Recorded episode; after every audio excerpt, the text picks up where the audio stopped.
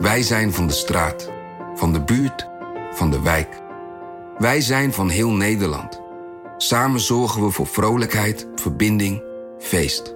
Samen brengen we in één jaar tijd 349 miljoen euro bij elkaar. Miljoenen waarmee onze goede doelenpartners de wereld groener, gezonder en rechtvaardiger kunnen maken. Nationale Postcode Loterij. Samen voor een betere wereld. Artificial intelligence verlegt ondernemersgrenzen. Maar hoe werkt dat voor u? Als transformatiepartner helpt Capgemini u kansen te ontdekken en benutten, zodat we uw ideeën tot leven brengen. Vorm uw eigen mogelijkheden met generative AI. Ontdek meer op capgemini.nl/slash AI. Capgemini. Get the future you want.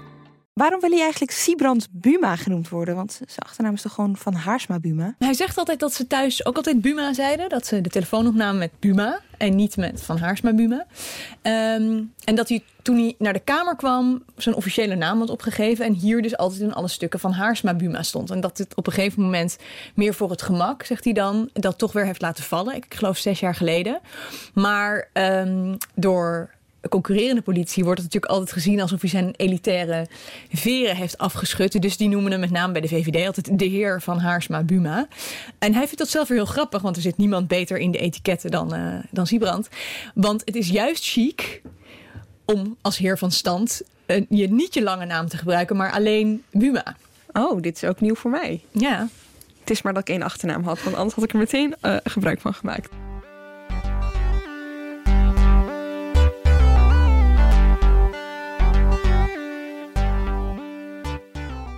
Vanuit de mediatoren op het Binnenhof in Den Haag is dit Haagse Zaken.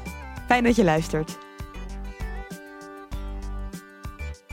Mijn naam is Lamia Aharoy en de komende drie kwartier hoor je alles over een lijsttrekker die zichzelf ooit van een vlogger mocht omschrijven aan de hand van drie kenmerken. Kenmerk 1 is dat ik lijsttrekker ben van het CDA. Kenmerk 2 is dat ik erg veel van fietsen hou en van schaatsen. Het is nu winter, dus het is wat minder fietsen. Uh, kenmerk 3 is dat ik getrouwd ben en twee kinderen heb. Nou, dat was niet heel ingewikkeld. Siebrand van Haarsma Buma, of dus Siebrand Buma, hangt vanaf welke lijn je volgt. Lijsttrekker dus van het CDA. Zoals je van ons gewend bent, gaan we het hebben over verschillende rollen. Dus de mens Buma, de denker, de leider, de politicus. Dat doe ik samen met Emilie van Outeren en Titia Ketelaar. Werken allebei op de Haagse redactie van NRC. Emilie die volgde hem tot vorig jaar en Titia die volgde hem sinds vorig jaar. Ik wil graag beginnen met de mens Buma. Want in interviews laat hij over het algemeen niet zo heel veel los over zichzelf. Waar komt hij eigenlijk vandaan? Nou, hij heeft er net een heel boek over geschreven. Dus dat, dat moeten we dan als eerste aanraden. En daarin laat hij best veel over zichzelf los. En dat doet hij trouwens ook als hij door het land trekt en, um, en bijeenkomsten heeft met zijn eigen partij. Er zitten altijd in zijn toespraken zitten kleine anekdotes die iets meer vertellen en iets meer loslaten over hoe hij is opgevoed en hoe hij is opgegroeid. Hij uh, is opgegroeid in Friesland zoon van een burgemeester. Kleinzoon van, kleinzoon van een burgemeester. Um, keurige familie. In zijn boek komt bijvoorbeeld voor een mooie anekdote dat hij voor de eerste keer, ik geloof in Amsterdam of in Rotterdam was. En dat hij um, met de familie naar een flatgebouw ging en er was een lift. En hij was zo beleefd opgevoed dat hij dus eerst iedereen voorliet. Want je laat eerst laat je de vrouwen voor en dan laat je de ouderen voor. En hij was de jongste, dus hij liet iedereen voor. En toen gingen die liftdeuren dus weer dicht. En toen stond hij in zijn eentje daar, uh, daar buiten. Nou, dat, dat is een, toch wel een mooi voorbeeld van hoe iemand uh, is opgevoed. Zo beleefd dat je dus anderen allemaal laat voorgaan. Buma heeft heel veel verteld over zijn geschiedenis. Er is niemand hier in deze Kamer meer geboren voor de publieke zaak dan Sibrand Buma. Dat zat er gewoon vanaf het begin in. Hij, is ook, hij heeft gestudeerd in Groningen, is vier jaar ambtenaar geweest en sindsdien werkt hij in de Kamer. Wat heeft hij gestudeerd? Uh, rechten. Uh, dus niemand, dus, en daar vertelt hij heel erg over hoe vormend het was, het patriciërsgezin waar hij in opgroeide. Waar we weinig van weten, misschien dat je dat bedoelt, is uh, Buma's omstandigheden nu.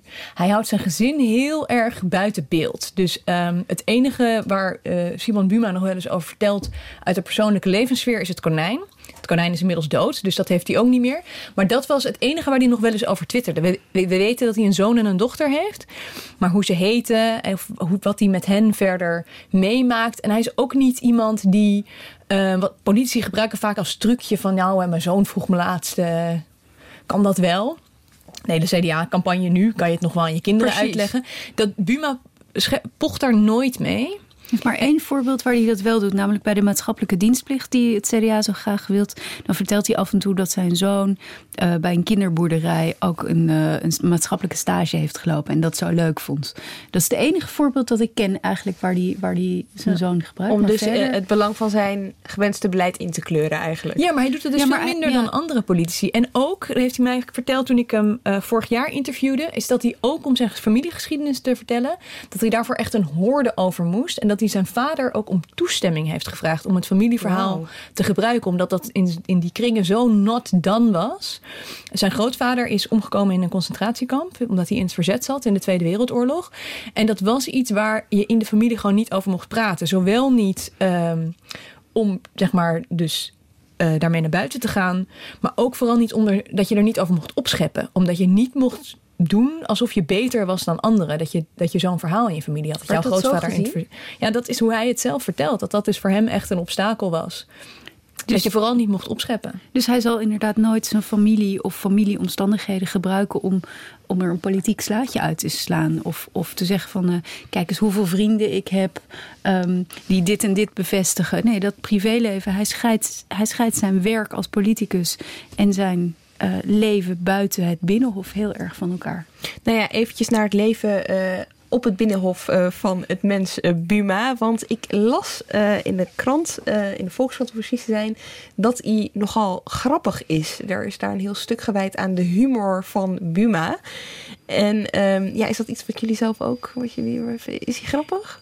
Ja, hij is grappig. Ja, hij is heel grappig. En heel droog en ironisch. En, so, en, en wat, zijn, wat zijn kracht en tegelijk zijn zwakte is, is dat hij uh, dat zijn grappen niet altijd voor iedereen even begrijpelijk zijn. Vooral op, uh, op televisie kan iets, uh, kan iets gewoon doodslaan. Of dat kan, kan dat, Ja, dat kan, en dat creëert dan voor beide partijen een heel ongemakkelijk moment. En het andere is dat hij soms op een moment heel grappig is. Dus ik, ik was erbij toen hij een paar, paar weken geleden in Drachten voor een zaal een anekdote vertelde over hoe hij met zijn zwemteam uit Sneek in Drachten was beland. En er was iets bij het zwembad. Nou, je hoort al aan me, het was op het moment zelf heel grappig. Maar ik zou bij God niet na kunnen vertellen wat er nou zo grappig was en wat de clue van de grap was.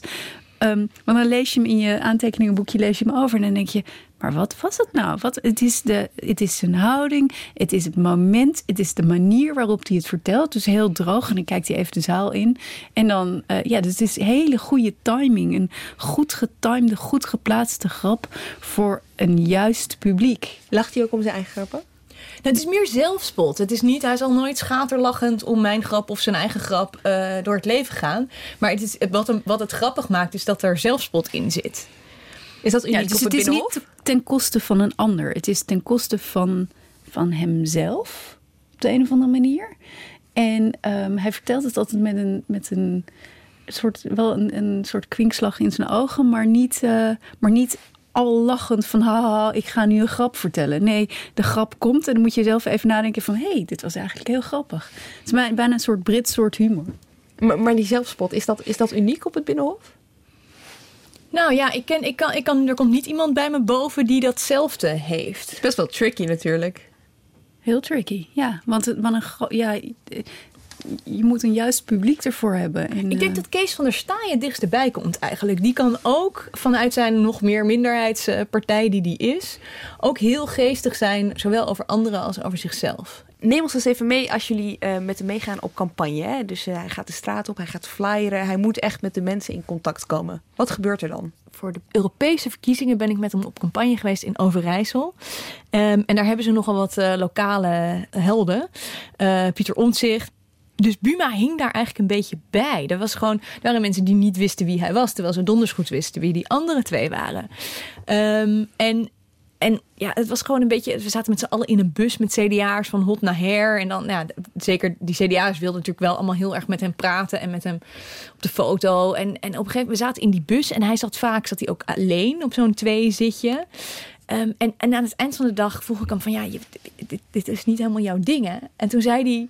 Nee, joh, dit is het leukste wat er is. Terwijl het ongeluk ervan afstraalde. En ik heb wel het idee dat hij dat ook maar gewoon geaccepteerd heeft. Dat dat niet, dat, dat niet is. En het grappige is dat de eerste keer dat ik hem hoorde en zag was in oktober. En, toen, en dat had niets met politiek, of niets, weinig met politiek te maken. Dat was bij de uitreiking van of een, een lezing over kunstprijzen en kunst in Den Haag. En dan de gemeente Den Haag. En er werd gesproken over hoe je dan jonge kunstenaars moest stimuleren. En ik zag daar een man die echt over iets sprak waarvan die wat hij leuk vond. Hij, Hij is kunstliefhebber. Hij, hij sprak met zoveel overtuiging over kunst en over wat hij leuk vond en wat hij mooi vond en over de kunst die hier bijvoorbeeld in de Tweede Kamer allemaal te zien is. En toen hoorde ik hem daarna hoorde ik hem een, een politieke speech geven. En toen dacht ik, hé, hey, dit is een ander mens. Hij vindt politiek leuk, maar hij praat er niet met die passie over zoals hij over kunst sprak. Dat vond Maar ik dat heel is ook volgens mij wel dat hij denk ik niet wist dat jij daar zat of niet wist dat je journalist van NRC was. Dit is ook vaak, dat hoorde je over Balkenende ook, dat hij dan op momenten dat de pers er niet bij was, dat hij eigenlijk heel geestig was of eigenlijk heel ontspannen was. Ja, dat klopt. dat En, klopt. en, en Buma heeft dat ook. En dat, dat komt ook door die, die jaren in de woestijn met het CDA. Ze natuurlijk in hun ogen veel last hadden van wat sommige journalisten schreven. Dat hij ook daar een zekere terughoudendheid in heeft. en, en, En, het dat het dus naar dit soort gelegenheden moet gaan om zijn andere kant te zien. Ja, en het klopt dat Balkenende dat ook heeft, want die hoorde ik een keer in Londen en die was zo ontzettend grappig. En toen dacht ik, maar waar heeft iedereen het dan over? Dit is een grappige, warme man. En misschien is het ook zo dat op het moment dat je net even buiten je eigen bubbel treedt, dat je, dat je iets meer jezelf kan zijn en iets meer, minder, vooral minder op je hoede hoeft te zijn dan Precies. in een ruimte met concurrenten, journalisten, mensen die iets van je willen en die op ieder woord letten. Ja, het is natuurlijk ook, politicus is natuurlijk ook een rol spelen. Doen wat er van je verwacht wordt in de rol als politicus. En waar elk woord cruciaal kan zijn, zeker in campagnetijd. Dat, Speelt dat- hij die rol goed? Ja, die speelt hij heel goed. En hij is daar ook, ik bedoel, hij, hij, hij, has the restraint. Hij kan zich heel goed beheersen en heel goed eh, precies zeggen wat hij wil zeggen zonder het achterste van zijn tong te Ja, ik laten wil zien. zeggen, want hij, hij komt over als iemand die op zich wel op zijn gemak is. Niet iemand die heel stijf of eh, die heel ongemakkelijk eh, Hij is in, de in het politieke bedrijf en in het maken van wetgeving en in het zowel onderdeel zijn van een coalitie als van een oppositie of in een debat, is hij volgens mij heel erg zichzelf. Het is meer dat, dat campagnedeel, dat daar toch een beetje het, de, de ontspanning en het charisma. gaan praten. Oh my, precies. In de omgang met jullie als journalisten, goed, je vertelde vorig jaar heb je hem nog gesproken, misschien meer recent ook, hè, om hem te interviewen. Hoe, hoe is hij als je binnenkomt als journalist, als je hem vraag stelt? Ehm, nou, hij is eh, heel aardig en je kan gewoon eh, binnenkomen lopen. Hij geeft je altijd netjes een hand. Dat doet niet iedereen. Ehm, Is er staat zijn deur altijd open? kamer. Nee, Buma Nee. is daar wel, daar loop je niet zomaar binnen. Die heeft zich heel interessant gemanoeuvreerd dat je door de kamer van zijn secretaresse heen moet om bij hem te komen. En Maar het dat is een prachtige kamer. Het is een prachtige kamer, maar je moet wel even je best doen om daar binnen te komen. Zeker toen ik eh, in 2013 hier kwam en hij nog niet zo lang partijleider was. En ook, ehm, ja, het ook gewoon niet zo lekker ging met het CDA. Eh, er zat ook wat ehm, kwaad bloed tussen NRC en het CDA. Ehm, en Oh ja, hele dat- korte toelichting even, want ik weet nou, dat luisteraars mijn, nu mijn denken, was voorganger er? had eh, met eh, verven bijgedragen aan, eh, aan het electorale leed van het CDA. Was het best moeilijk om met hem in contact te komen. En hij is gewoon, hij is gewoon heel gereserveerd. Ehm, dus je kon altijd wel, hij is, hij is heel beleefd, dus je kon hem altijd wel benaderen. Maar voordat je de band met hem opbouwt, waarin hij je net wat meer vertelt en waarin hij ook zich vrij voelt om die grappen te vertellen of die, die opmerkingen te maken, dat duurt gewoon even. Maar prima. Ik wil eigenlijk eh, meteen de stap maken naar de denker Buma. Want hij zit natuurlijk bij het CDA. Ehm, die C, hè? Hoe, hoe, hoe, hoe, groot is die voor, van betekenis voor Buma? Nou, hij is wel christelijk, maar hij is niet, eh, hij, hij is niet echt een eh, wekelijkse kerkganger. En hij is, nou ja, hij is wel heel erg bezig met die christelijk-joodse traditie. Maar het is meer, hij is meer algemeen normerend dan dat hij nou vindt dat dat allemaal vanuit het geloof moet komen. Het is geen Kees van der Staaij. Nee, en het, het is wederom ook niet iets waar hij mee te koop loopt. Nee, en het, en het is meer, de C van christelijk is meer iets wat, waarvan zou ook allemaal, denk ik, binnen het CDA vinden dat het iets is wat, wat Nederlanders verbindt. In ieder geval de mensen binnen de partij verbindt. Een soort ongeschreven eh, code van wat je wel doet en wat je niet doet in het leven. En dat betekent niet dat je per se kerkgaand moet zijn of kerkganger moet zijn. En ik denk ook dat op het moment in de huidige fractie Ehm, ik weet niet hoeveel mensen er echt iedere zondag naar de kerk gaan. Er zullen best een paar zijn. Maar ook als je uh, met, met gewoon de, de trouwe partij aanhang spreekt. Dat zijn niet allemaal kerkgangers. Maar het zijn wel allemaal mensen die traditionele waarden als. Um, zorgen voor elkaar en naast de liefde, burenliefde, zorgen voor iemand die ziek is, een pannetje soep brengen bij iemand, een bos bloemen bij iemand, uh, dat soort dingen wel in zich hebben en heel veel vrijwilligers, vrijwilligerswerk doen um, dat belangrijk vinden. Wat ik daar wel interessant vind, is dat er een tijdje voor Buma binnen het CDA best wel stemmen op gingen om uh, dat die C toch vooral meer stond inderdaad voor conservatieve traditionele waarden. En dat daarmee ook heel erg verbinding gezocht kon worden met moslims.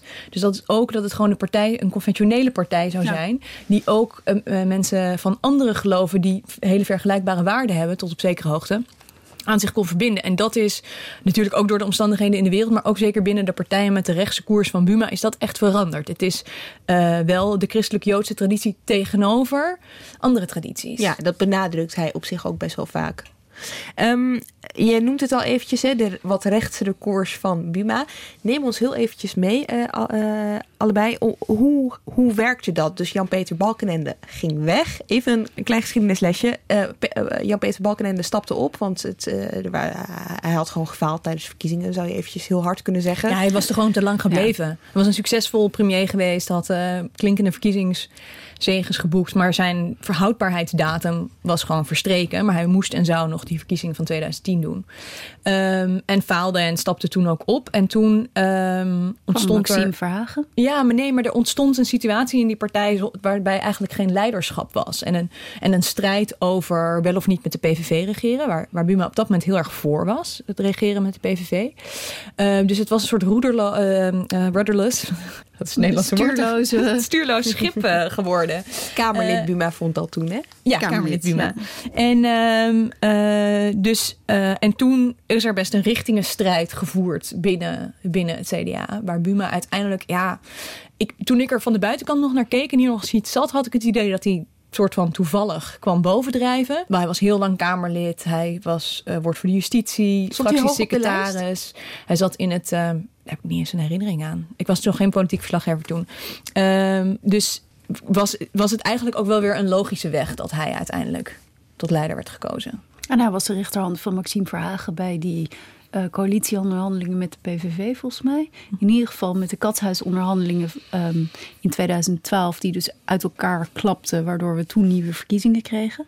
Dus, dus op zo'n moment ben je dan de logische persoon die komt uh, bovendrijven. Nou ja, hoewel er ook wel echt met, met Maxime werd afgerekend, die toch door, door mensen binnen en buiten zijn partij als onaangenaam werd ervaren. Dus ze hadden ook dat moment kunnen aangrijpen om een hele andere koers te varen. En dat, daar werd niet voor gekozen. Even... Maar waar ze, wel, waar ze wel van toen hebben geleerd, want nu we het toch een beetje over 2010, 2012 hebben ge. Um, toen ik hier kwam in oktober, toen was het eerste wat iedereen tegen mij riep: Oh, het, tra het trauma van toen.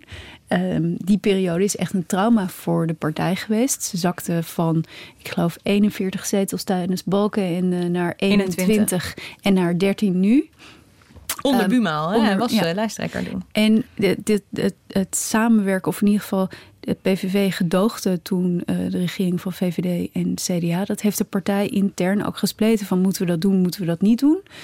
Um, en uh, inmiddels merk je wel weer dat Buma heel erg geprobeerd heeft om die verschillende stromingen toch weer bij elkaar te binden. En te zorgen dat er een soort eenheid is. En dat ze dus niet um, zoals in 2012 onvoorbereid en bijna rollenbollend uh, nu de campagne ingaan. Nee, het is een, een soort geoliede machine die je nu ziet. Maar die ideologische strijd, hè, want dat vind ik wel interessant. Um, hoe is die gevoerd? Hoe heeft hij mensen zover gekregen? Of heeft hij mensen uit de partij gezet? Ik weet het niet. Met nieuwe Kamer. Nou, nee, hij had het voordeel. Hij had het voordeel dat die fractie in 2012. Daar bleven er nog maar 13 over. Ja. Dus hij had alleen de bovenste 13 van de lijst. En ze hadden eigenlijk ze hadden besloten om geen, uh, ze natuurlijk allebei bewindspersonen uit de kabinetten daarvoor niet op de lijst te zetten. Gewoon, ja, ook daar is gewoon schip. En, um, en, en Buma heeft er toen echt voor gekozen om ten eerste vol oppositie te voeren. Iets wat CDA onder de Paarse kabinet had nagelaten. Daar probeerden ze toch nog de hele een beetje tegen de macht aan te schurken. Dus dat ten eerste. En ten tweede ook echt terug te gaan naar de ideologische basis van het CDA. Ik bedoel, we hebben het over de denker Buma. Dat is hij echt. Hij is een jurist en hij heeft echt de ideologie van die partij opnieuw neergezet. Hij heeft zich veel gesproken met een aantal Britten, met name door wie hij zich heeft laten inspireren. Meneer Philip Blond. Um, wie is dat? Wat doet hij? Ja, dat is een Britse conservatief die uh, de Big Society, daar weet Titia meer van, die is correspondent geweest in Groot-Brittannië, maar de Big Society uh, heeft benoemd als je kan het niet alles aan de staat overlaten en je kan ook niet alles aan de overheid overlaten. Je moet de samenleving de ruimte geven. En dat is waar Buma zich de afgelopen jaren, zeker in die beginjaren van, uh, van deze kamertijd heel erg mee bezig gehouden heeft. Ze hebben dus een soort ja, bijna, bijna herbronning gehad in 2012 van wie zijn wij eigenlijk? Oké, we zijn dus niet waartoe de regeringspartij. Zijn wij op aarde? Ja, waartoe zijn wij op aarde? We, we zijn geen, we regeren niet. We moeten nu oppositie voeren, maar op welke basis doen we dat dan? En wat is ons, wat is het idee achter ons? Inderdaad, waar staat die C nog voor? Maar ook um, uh, waar willen wij heen met, met, met onze partij? Waar staan we voor? Wat zijn onze waarden? Wie is onze achterban? In de afgelopen, wat is het, vijf jaar uh, sinds de vorige verkiezingen, hebben ze een um, heel goed beeld gekregen van wie zij zelf zijn. En misschien inderdaad zijn er altijd, er zijn altijd binnen iedere partij mensen die het daar niet mee eens zijn. Maar hij heeft dat wel getrokken. Um, en je noemde net Philip Bond met zijn Big Society. Nou, dat was het grote voorbeeld van de Britse premier David Cameron. Um, Mark Rutte heeft het een beetje ook geprobeerd met een participatiemaatschappij. Maar het idee daarachter is inderdaad dat een maatschappij alleen maar kan functioneren als je op het allerlaagste niveau met elkaar samenwerkt. Dus inderdaad opnieuw die burenliefde, die naaste liefde. Dat je met elkaar in een vereniging iets doet om jouw eigen buurt beter te maken. En, en zo van beneden op trek je dat langzaam naar boven. Eigenlijk klinkt daar nog best wel veel Jan-Peter Balkenende doorheen. Want als ik zit nog te denken, normen, waarden, gezin. Ja, nee, dit is wel de normen en waarden en de morele crisis waar die nu uh, in een meer bozige stand, die ja. ik eigenlijk niet zo van hem ken, deze campagne opvoert. Die zat daar nog niet zo heel erg in. Dat was, meer, was echt meer de, de lager eronder. Daar was meer, dat was meer een open vraag. Wie zijn wij? En ja. nu in de campagne is het juist iets normerends wat hij, wat hij oplegt. Hij verwijt Rutte uh, een gebrek aan moreel leiderschap bijvoorbeeld. Ja, onder andere. En, maar dat, dat, dat, heeft, dat, is, dat is meer zeg maar, het hoofdstukje de politicus. Hoe voert die campagne? Wat is de strategie daar? Dan de denker. Hij heeft, hij heeft echt dat fundament van die partij moest gewoon opnieuw gelegd worden. En dat heeft hij gedaan. En Buma heeft deze regering uh, op vele fronten. Maar hij heeft ook het geluk gehad dat ze de rit hebben uitgezeten. Want dat gaf hem de tijd om die partij weer op te bouwen. Om met gemeenteraadsverkiezingen het weer een beetje beter te doen. Uh, te zorgen dat die structuur in het land op orde was. Voordat hij zich weer landelijk moest, echt moest profileren. Ja, en je merkt ook op partijcongressen en partijbijeenkomsten. Mensen snappen het ook. En mensen, uh, ja, in het begin voelde het inderdaad van we zitten in de oppositie. We zitten in de woestijn. We zitten niet op het plusjem. Hé, hey, wat doen we nu? Maar hij heeft voor elkaar gekregen dat, um, dat ze snappen waar het voor nodig was. En dat inderdaad oppositie voeren deel van het hele democratische proces is. En dat dat, ja, natuurlijk willen ze ook regeren. En daar doen ze nu zo hard mee aan de strijd. Maar dat oppositie uh, voeren geen straf is. Dus hij is wel voor de partij is hij. Uh, ideologisch gezien wel echt van betekenis geweest. Hij heeft uh, het stuur in, bij de handen gepakt en hij heeft weer zeg maar, de weg opgereden. Kan ik dat zo zeggen? Ja, en wat, daar, wat ik daar ook interessant aan vind, is dat hij ook heeft losgelaten. wat eigenlijk elke partij moet loslaten. Namelijk dat het CDA er voor iedereen zou zijn. Ze waren natuurlijk zo gewend om, om na die fusie tussen katholieke en protestantse partijen. een immense hoeveelheden zetels te halen. dat ze daarmee ook eigenlijk iedereen te vriend moesten houden. En de CDA heeft nu gewoon geaccepteerd dat zij, net als de meeste anderen, een middelgrote partij zullen zijn. met misschien af en toe een uitschieter. Maar dat ze de D66-kiezer of de GroenLinks-kiezer niet voor zich gaan winnen. Wie is de CDA-stemmer in de ogen van Buma dan? Hè? Um, uh, jonge gezinnen die in Phoenixwijken wonen. Heb ik wel eens uh, partijmensen horen zeggen. Um, en uh, jonge gezinnen of gezinnen uh, niet, misschien niet zozeer jong, die in middelgrote steden wonen. En ja, ze willen door, dolgraag ook in de grote steden, in, in Amsterdam, Utrecht, Den Haag en zo doorbreken. Maar als je kijkt waar de CDA-stemmers zitten, dan zitten ze toch vooral buiten de Randstad. Ik was zelf bijvoorbeeld in de Applasserwaard. Daar zitten ze. En dat zijn mensen, zoals ze bij het CDA graag zelf zeggen, niet de schreeuwers. Dus niet de mensen die bellen naar radioprogramma's en uh, dan allerlei uh, opvattingen spuien. Niet mensen die uh, graag geïnterviewd willen worden door kranten. Gewoon mensen die iedere ochtend met hun koffertje op weg gaan naar het werk. En de kinderen gaan naar school. En dan s'avonds komen ze terug en dan eten ze met z'n allen.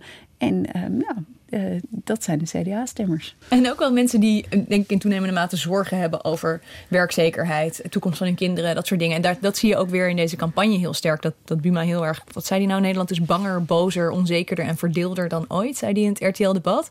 Um, en dat, dat verbaasde mij, omdat ik ken CDA'ers niet als zulke bange, verongelijkte mensen. Maar dat is wel ook natuurlijk in concurrentie met de PVV en in zekere mate de VVD wel de doelgroep waar zij nu op mikken niet mensen die, die helemaal aan de, aan de grond zitten, maar wel mensen die heel onzeker zijn over wat de toekomst te brengt. En dan misschien niet onzeker over hen zelf, maar wel vooral over wat de toekomst hun kinderen gaat brengen. Buma komt wel over als iemand die um, nadenkt ook over wat er speelt in de samenleving. Ja, absoluut. Ik denk dat hij van alle lijsttrekkers denk ik toch wel de scherpste analyse heeft van hoe het land er nu voor staat en de, de, de, tegenstellingen in het land. Dus hij signaleert dat we niet meer een verzuiling hebben in verticale, langs religieuze lijnen, maar steeds meer een horizontale verzuiling krijgen tussen hoogopgeleide en laagopgeleide enerzijds en mensen die openstaan voor een geglobaliseerde wereld, een multiculturele wereld en mensen die juist zich liever wat willen terugtrekken. En die twee groepen die, die praten niet meer met elkaar.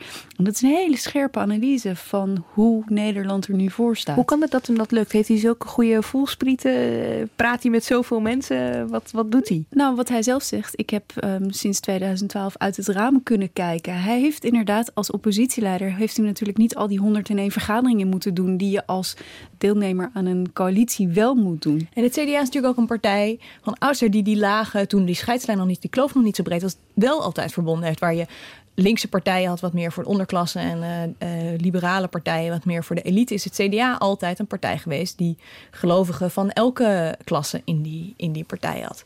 Maar wat ik zo interessant vind is dat, dat Buma's analyse daar dus heel erg goed is. Maar als je dan kijkt naar de oplossingen, dat ik me heel erg afvraag van ja, gaan we daar nou de wereld mee redden met een maatschappelijke dienstplicht of burgerschapslessen?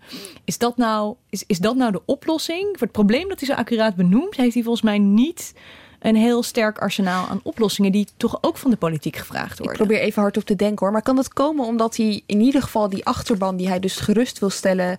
Iedereen weet wel dat eh, alle plannen van een politicus uiteindelijk bijna nooit helemaal terechtkomen zoals hij of zij ze wil. Omdat je goed, je moet gaan formeren, je moet erover onderhandelen. En uiteindelijk komt er een soort slap aftreksel, weet je wel, komt eruit. Een compromis dus, komt eruit. Ja, ja, zo zou je het ook kunnen noemen. Maar eh, is dat het? Wil hij niet gewoon een soort uh, stip aan de horizon? Dat is zijn maatschappelijke dienstplicht bijvoorbeeld. En dan... ja, maar, nee, maar dat vind ik juist zo'n klein symboolpolitiek dingetje. Dat ook nog eens heel ingewikkeld te realiseren is. Maar er is juist, er is wel die visie, maar er is niet een, een grotere oplossing. Misschien is die er niet. Misschien is het die realiteitszin dat dit de samenleving is waar we mee te dealen hebben en die we alleen met kleine oplossingen een beetje dichter bij elkaar kunnen brengen. Ja, we gaan gewoon door naar de politicus Buma. Want ik merk dat we al een beetje in campagnesferen beginnen te komen. Dan, dan uh, komen we later terug op de leider Buma. Maar um, hij presenteert zich, vind ik vaak, als het redelijke alternatief.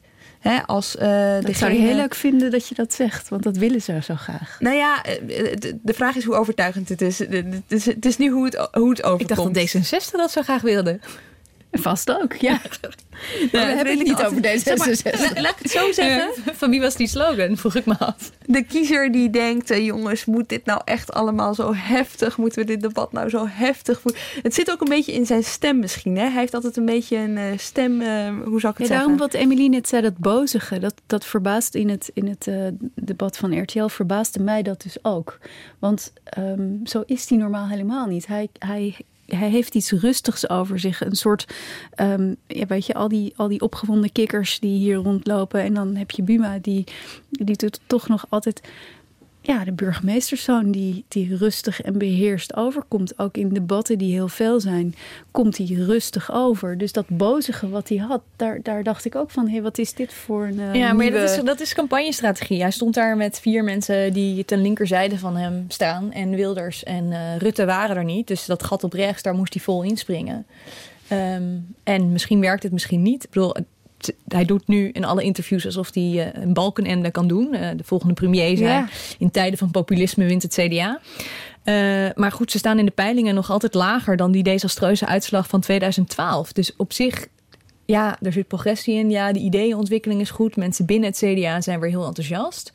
Uh, maar het lukt hem nog niet om het echt naar een hoger niveau te tillen. Hij hoopt een beetje op self-fulfilling prophecy. Dat hij het uh, maar vaak genoeg moet zeggen dat mensen in het stemhokje dan denken... wacht even, Buma die zei dat ze de grootste zouden worden. Dus laat ik maar... Uh...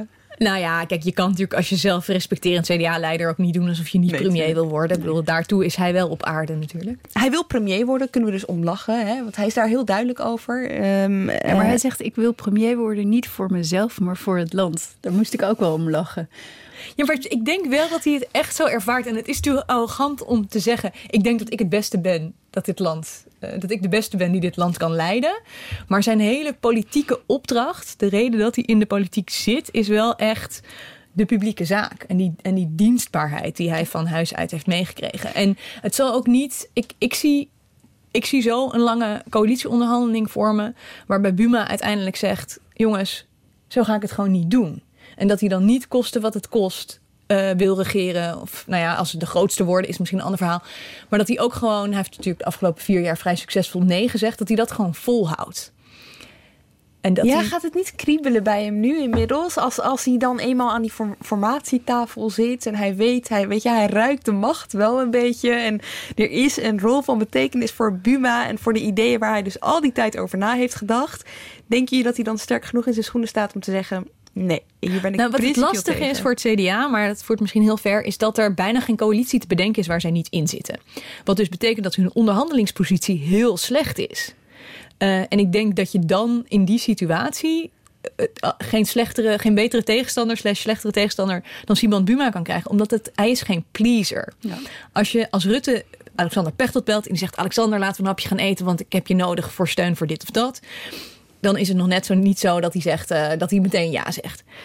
Maar Simon zegt gewoon nee, dit, hier heb ik geen zin in. Of dit, hier heeft mijn achterban niks aan. Of dit op dit moment voor heeft mij niet Heeft hij dat wel eens gedaan? Nee, tuurlijk. Die, die zegt gewoon, nou ja, nu bijvoorbeeld met, het, uh, met de Oekraïne. Het CDA is tegen referenda en was voor het verdrag met Oekraïne. Maar die referendumuitslag ligt er. Er zijn CDA-senatoren die zeggen, nou, dat vinden we eigenlijk best wel prima hoe Rutte dat heeft aangepakt. En Buma zegt gewoon, nee, hoeveel kopjes koffie Mark Rutte dus ook aanbiedt, um, het antwoord blijft gewoon nee. Dus dat is, dat is wel een, een soort. Uh... Siebrand Buma's hard to get. Nou, ik vind hard to get is het spelletje. Dat is dus volgens mij wat andere, wat andere mensen hier doen. Is hard to get spelen. Maar dan als iemand maar genoeg uh, koffie en de bloemetjes gebracht heeft... dan ga je overstag. En Buma gaat gewoon niet overstag. Maar we moeten het nog zien hoor. Misschien dat we Tuurlijk. over een half jaar tegen elkaar zeggen... hij deed het toch. Ja, en hij gaat vooral niet overstag als hij dus zelf bepaald heeft... dit is tegen waar wij voor staan als partij. Dus als hij het een goed idee vindt dan zal die met je meegaan. Maar als hij het gewoon geen goed idee vindt, nou, dan is het afgelopen. En ik denk dat dat de afgelopen vier, vier en een half jaar in de oppositie duidelijk is geworden. Het CDA kan je meekrijgen als het CDA vindt dat het een goed idee is.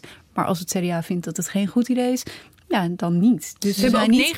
90% van het beleid gewoon gesteund. Het is niet alsof ze daar altijd met gestrekt been ingegaan zijn. Maar gewoon de, de 10% waarvan Buma vond, nou dat doen we niet. Dat deden ze dus niet. Dat, dat vind ik nu wel grappig. Het CDA heeft altijd heel veel meegestemd. Je zegt net al 90% met de, met de coalitiepartijen.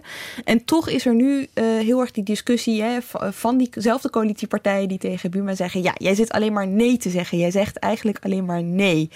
Als we even kijken naar het politieke spel hè, dat Buma speelt. Hoe doet hij het nu? Het politieke spel. Nou goed, hij heeft natuurlijk de luxe positie dat hij wel echt oppositie gevoerd heeft. Dat hebben de PVV en de SP ook. Maar, maar als je zegt 90% meege, meegestemd. Ja, maar hij heeft natuurlijk wel op cruciale dingen... en dat is wat hem nu met name vanuit de VVD verweten wordt... is dat hij op dingen die belangrijk waren in, een, in de tijd van crisis... Uh, bezuinigingen die belangrijk waren... dat hij daar op geen enkele manier aan wilde meewerken. Terwijl het CDA wel een partij is die het belangrijk vindt... dat we uh, geen begrotingstekort hebben... en dat de schuld niet verder oploopt. Dus dat wordt hem verweten. Dat hij dus dat, dat hij het vuile werk aan anderen heeft gelaten... en dus ook die daar nu ook dus misschien de electorale prijs voor betalen. Want ik wil het heel even uit de campagne uh, trekken, iets algemener. Als ik vraag, heeft Buma dat politieke spel in handen? Weet hij hoe de kaarten liggen en weet hij altijd zichzelf ook op een goede manier te presenteren in dat spel? Is dat zo? Ja, hij kent het spel beter dan wie dan ook. Hij is uh, hier in, uh, in 1994 is hij in de Tweede Kamer komen werken. En hij heeft, al, hij heeft alles gezien. Ehm, en hij, hij, heeft ook de hoogtepunten en de dieptepunten van het CDA meegemaakt. Hij heeft verschillende soorten coalities meegemaakt. Hij heeft verschillende rollen binnen de partij gespeeld. Dus ik denk dat van de, van de partijleiders die er zijn, hij is wel een van de meer ervarener. Ja, zeker. Nee, omdat hij ook al die rollen gespeeld heeft. Er zijn al anderen die hier ook al heel erg lang zitten, maar niet die, in al, die al die posities uh, kennen. Nou, hij is in 94 hier komen werken als medewerker van de fractie. Hij is in 2002 als Kamerlid uh, uh, begonnen. Uh, maar ja, zijn hele, zijn hele carrière is hier. Hij is ook, zoals meer leiders hoor, maar een echte, een echte beroepspoliticus. En hij speelt het politieke spel heel goed. En dat zie je met name in confrontaties met Wilders. Waar, um, waar nou, het is vaak Wilders tegen de rest uh, als je Kamerdebatten ziet. En, en Buma weet dan, die weet dan nog precies wat Wilders zelf gedaan heeft wat tegenstrijdig is. Ik weet nog dat in 2015 een debat was. Toen uh, uh, was, Wilders maakte heel veel lawaai over asielzoekerscentra. En, hoe, en dat die te groot waren en de druk op gemeenschappen en zo. En toen haalde Buma daar een wet bij, de crisis- en herstelwet. En die zei, nou meneer Wilders, um, daar heeft u toch gewoon voor gestemd? Ja, ja, daar had hij dan voor gestemd. Nou, dan heeft u het dus mede mogelijk gemaakt dat er zulke grote asielzoekerscentra wow. zijn. Maar dat klinkt als iemand die ook tot in de puntjes voorbereid is dan. Ja, zeker. Ja. En dat, we hadden het net heel even over Kees van der Staaij, maar ik denk dat, dat wat zij allebei nog meer gemeen hebben, is dat ze allebei staatsrechtelijk heel goed onderlegd zijn. Uh, heel goed een, een geheugen hebben voor geschiedenis, de voorgeschiedenis van wetten, ook doorhebben wie er wat in de Kamer heeft gezegd. Zich goed voorbereiden in debatten. Absoluut. En geniet hij ook van dat spel? Want dat is natuurlijk een tweede. Zie hem glunderen op het moment dat hij zo'n opmerking maakt. Als hij weet dat hij iemand heeft. Nou ja, hij kan daar wel met diezelfde humor of met diezelfde... Uh, lichte glimlach. De mondhoeken staan meestal naar beneden, maar soms ook omhoog. Uh, van genieten. En hij, ja, en ik bedoel, hij, hij ziet het als een opdracht dat hij in de politiek zit. Maar het is natuurlijk ook wel zo dat als hij daar niet van zou genieten, dat hij ook zo iets anders zou kunnen gaan doen.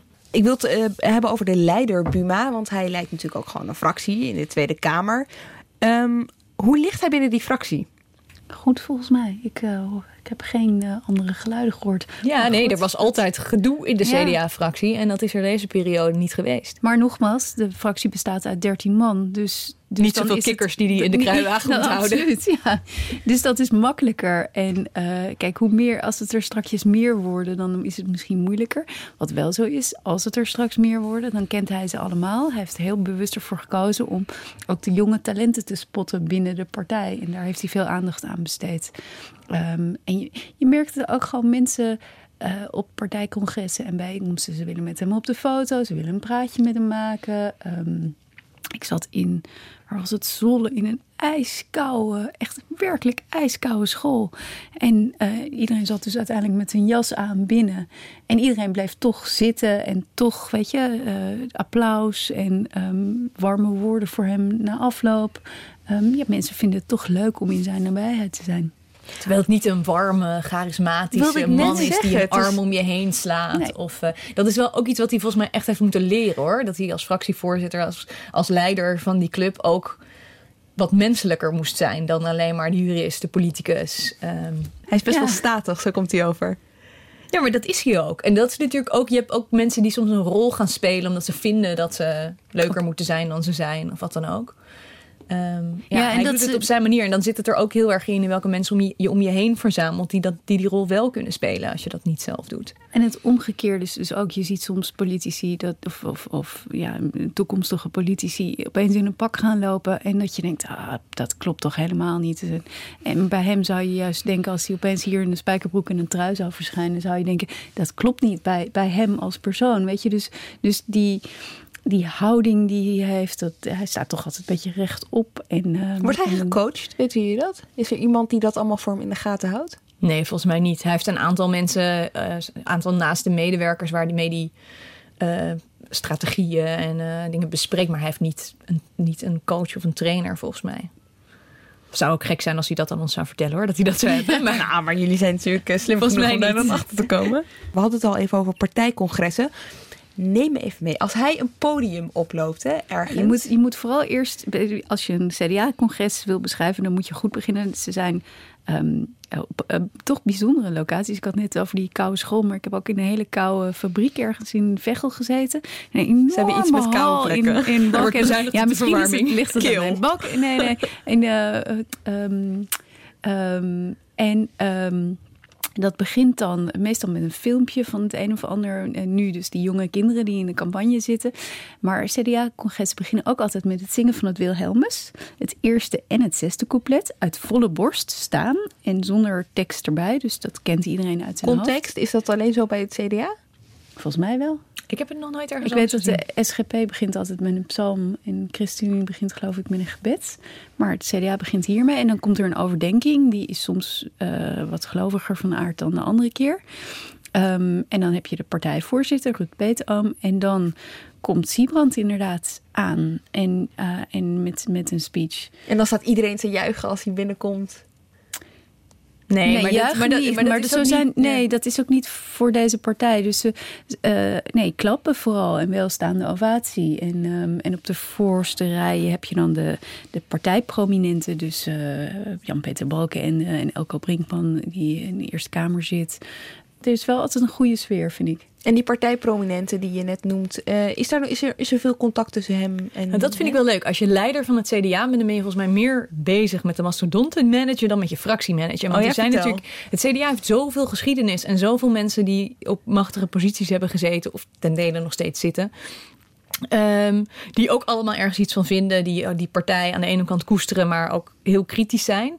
Ehm, en je ziet daar gewoon vaker, eh, nou in het begin veel kritiek op Buma. eh, als hij te veel op de oppositie tromroffelde. Of ehm, ja, laatst had je nog een, een incident dat ehm, Hans Hille, die minister van Defensie was, in het eerste kabinet Rutte, dat die zei: Oh nee, joh, het was helemaal niet de schuld van Wilders dat die coalitie uit elkaar donderde. Terwijl, ja, dat is waar het CDA en VVD campagne op, op voeren. Wilders is een wegloper, dus we werken niet meer met hem samen. Dus daar, springt daar, daar springt vaker een kikker uit de kruiwagen dan, eh dan maar hij is partijleider. Laat hij zich dan sturen? Nee, hij laat zich niet sturen. Nee, maar dat manage die op zich wel goed is, dat is wat, waar, waar Verhagen op een gegeven moment echt boos was op iedereen in de partij die het niet met hem eens was en de sfeer heel onaangenaam werd, is Buma wel iemand die dan de hand reikt en, eh, en veel contact houdt met Wat mensen. doet hij dan? Gewoon even een belletje. Ja, gewoon met, met mensen, zeker mensen die zijn weggegaan in, eh, in 2012, die ongelukkig zijn weggegaan tijdens of na die PVV-samenwerking. Daar die probeert hij wel zoveel mogelijk erbij te houden. Hij weet gewoon, het is voor de partij beter als wij vriendelijk met elkaar omgaan dan als wij hier ruzie over blijven maken. Zijn dat Koppian en Verrier bijvoorbeeld? Nou, ik denk meer aan Ernst Hiers-Berlin bijvoorbeeld. Oh, wat interessant. Dat, ja. Ik vind dat We gaan nu heel diep in de Ja, we gaan gremia heel van diep, de maar het, is CDA. wel, het, is wel, het zegt wel iets over hem als leider. Als je zo met je mensen omgaat, eh, die ook al weg zijn gegaan. Nou, ik denk dat ze bij het CDA dus op een gegeven moment meer bezig waren met het land leiden dan met de partij leiden. En daar, dat heeft Buma heel erg teruggebracht tot weer wederom die basis. Van we moeten eerst zorgen dat die partij er staat voordat we kunnen nadenken over regeren. ja, en dat- als je zegt dat de basis van, van christelijke waarden saamhorigheid is en, en verbinding zoeken, dan, dan begint dat volgens mij toch ook echt bij jezelf. Dus daar, daar zit een soort logica in die ik wel begrijp. Die fractie, daar hadden we het al even over. Het is een kleine fractie, 13 mensen, valt te managen op zich. Ehm, er zitten twee dames in die fractie, Madeleine van Torenburg en Mona Keizer. Eh, die zien we best vaak, hè. kranten, tv, die profileren zich op zich wel.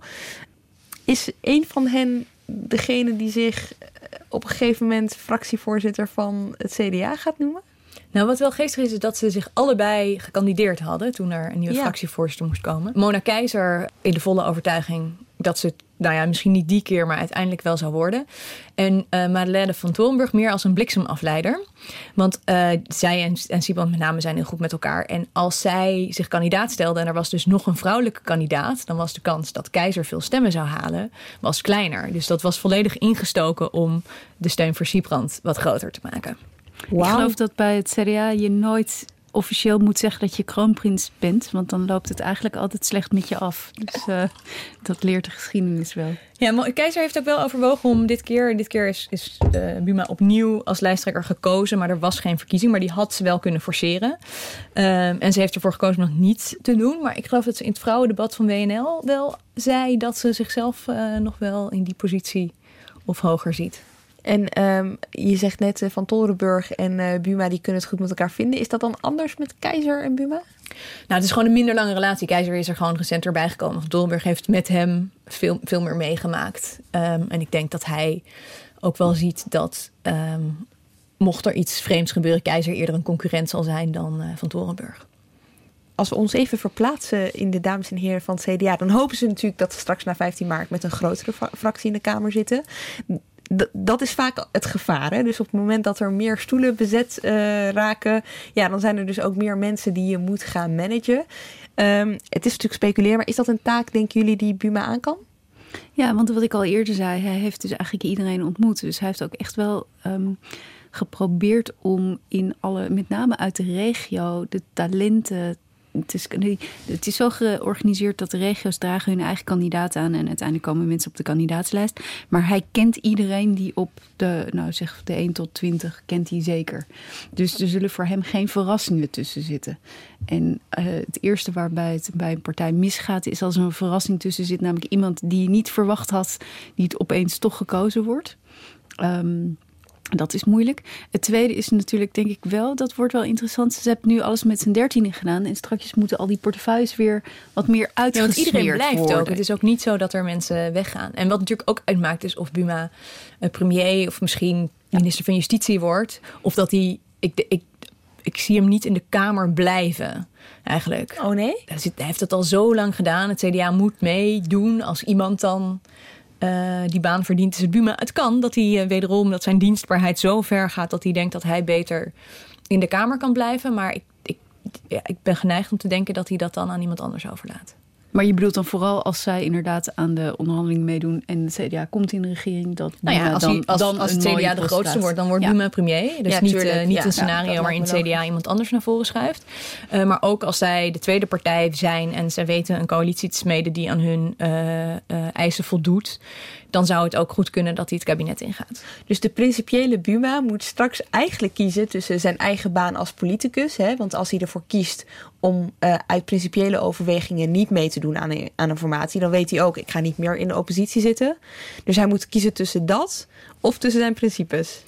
Ik denk dat, het, dat ze bij het CDA, net als ik, slecht een scenario kunnen bedenken waar het CDA niet in de coalitie komt. Ik bedoel, gewoon puur op basis van, van peilingen en partijen die elkaar uitsluit, wordt het heel En samenstelling van de Eerste Kamer, ja. vergeet dat niet. Ja, samenstelling van de Eerste Kamer waar zij. Uh, is er een post die hij heel graag wil? Sorry, de VVD is daar de grootste.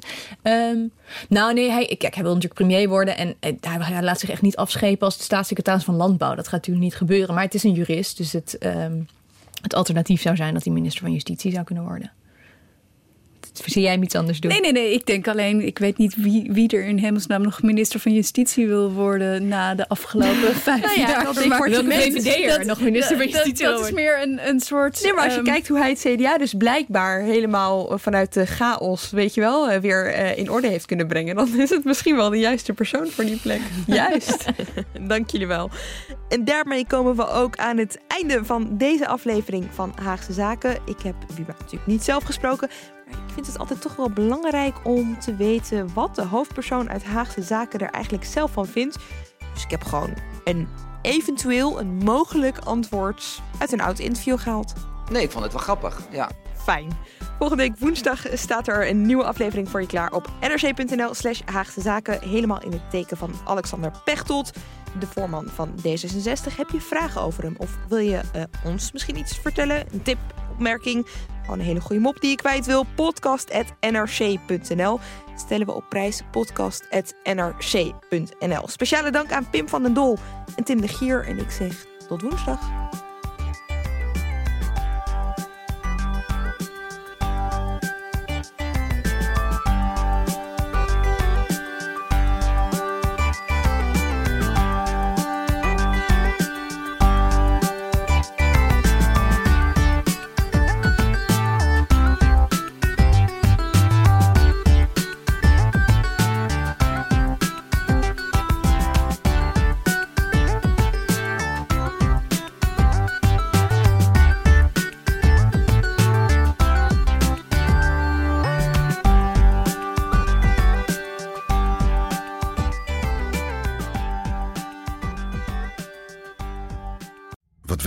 Van die nieuwe leverancier?